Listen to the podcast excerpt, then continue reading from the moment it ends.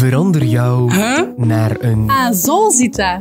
Want in deze podcast worden al jouw ondernemersvragen binnen de vijf minuten beantwoord. Oh, zit dat zo? Een podcast van Unizo.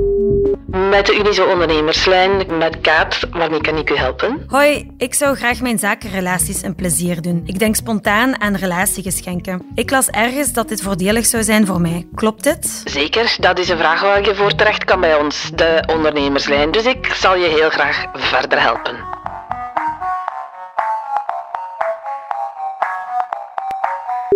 Inderdaad, het is mogelijk dat je een deel van die kosten in aftrek kunt nemen om zo je belastbaar inkomen en dus ook je belastingen te verminderen. Hou wel rekening met het volgende. De administratie zegt, als het om een geschenk gaat met een waarde van meer dan 250 euro, dan is dat eigenlijk voor de verkrijger een belastbaar inkomen. Je moet hiervoor dus een fiche 281,50 opstellen op naam van de ontvanger van het geschenk. En het gevolg zal zijn dus dat hij hierop belast zal worden. Maar jezelf als schenker kan die kost dan wel 100% in aftrek nemen.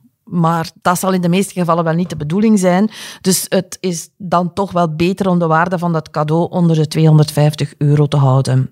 Dan moet je geen fiche opmaken. En voor de ontvanger is dat dan dus echt ook een geschenk en niet iets waarop hij belast wordt. Jezelf kunt dan wel 50% van de kosten in aftrek nemen. En die 50% dat is ook het geval als je in plaats van een geschenk je zakenrelaties, eh, bijvoorbeeld een receptie met drankjes en hapjes in de zaak wil aanbieden. Dat is ook een kost die voor 50% aftrekbaar is.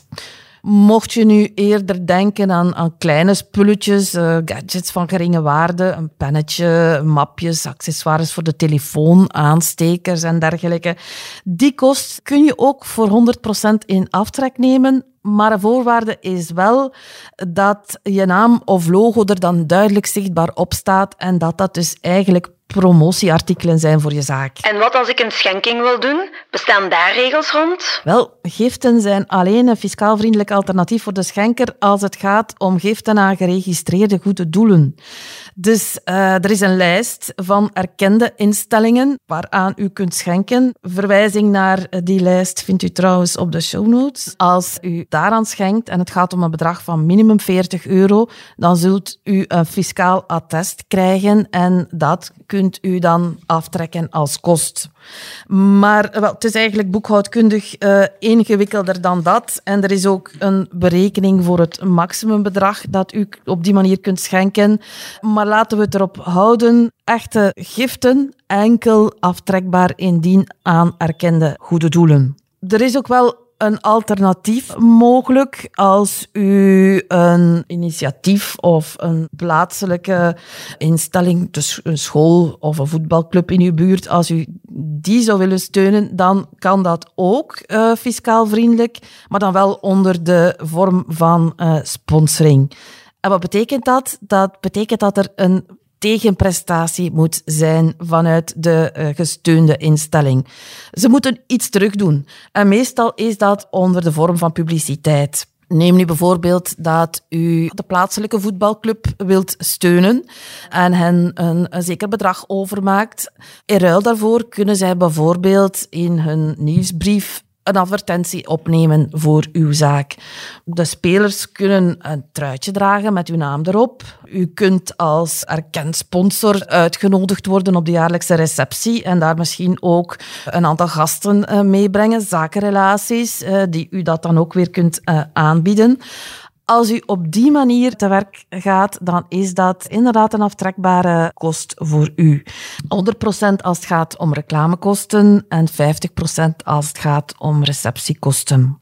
Let op, de algemene regels rond fiscale aftrekbaarheid van kosten, die zijn hier van toepassing. Hè. U moet dus een factuur kunnen voorleggen vanuit de school of voetbalploeg. Of als het om een niet-BTW-plichtige VZW uh, gaat, uh, een ander stuk, zoals een debitnota. Maar dus de betaling moet bewezen worden en ook eigenlijk uh, moet er bewijs zijn van de prestatie.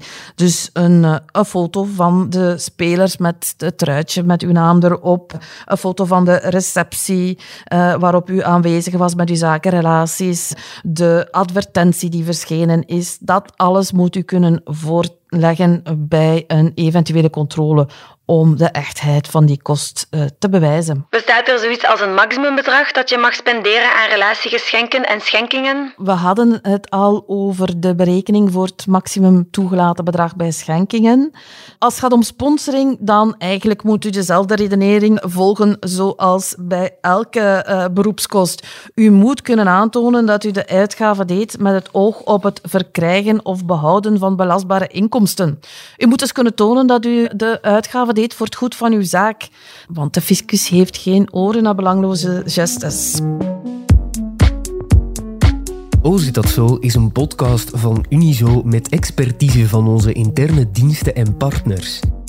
Je kreeg hierbij een relatiegeschenk vol informatie. Maar wil je alles nog eens doornemen?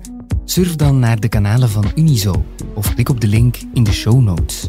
De productie gebeurde door Laurens Bervoets en Babette Plessers. Eindredactie was in handen van Philip Horemans, Jurgen Muis en Jasmina Plas. Ben je lid van Unizo, dan kan je net zoals de ondernemers in deze podcast contact opnemen met de ondernemerslijn voor gratis advies. Dat kan gemakkelijk op het nummer 02 21 22 678. Wil je beroep kunnen doen op onze in-house expertise? Maar ben je nog geen lid van Unizo? Ga dan voor samen ondernemen en surf als de bliksem naar www.unizo.be.